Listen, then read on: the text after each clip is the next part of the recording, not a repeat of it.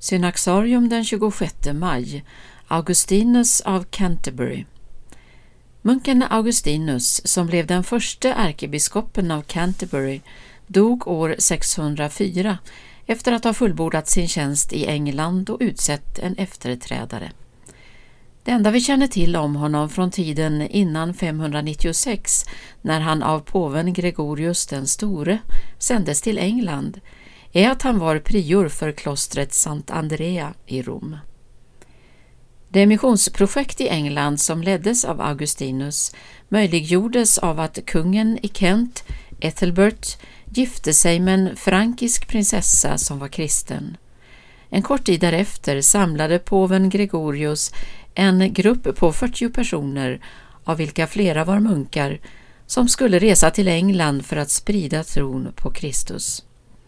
Augustinus var till en början tveksam till att följa med, men tillrättavisades då av påven. Till sist fann han sig i förslaget och utanför Canterburys stadsmur tilldelades han mark av kung Ethelbert för att uppföra en kyrka med tillhörande kloster.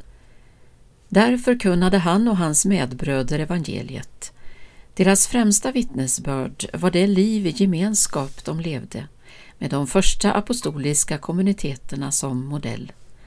Många kom till tro och på juldagen år 597 döptes flera tusen till Kristus. Klosterkyrkan blev snart centrum för Englands första stift och Augustinus vigdes till ärkebiskop av Canterbury. Med påvens stöd arbetade han för att ge församlingslivet i England en fast grund. Han byggde nya kyrkor och restaurerade de gamla som hade övergetts efter den första evangeliseringen av engelskt territorium.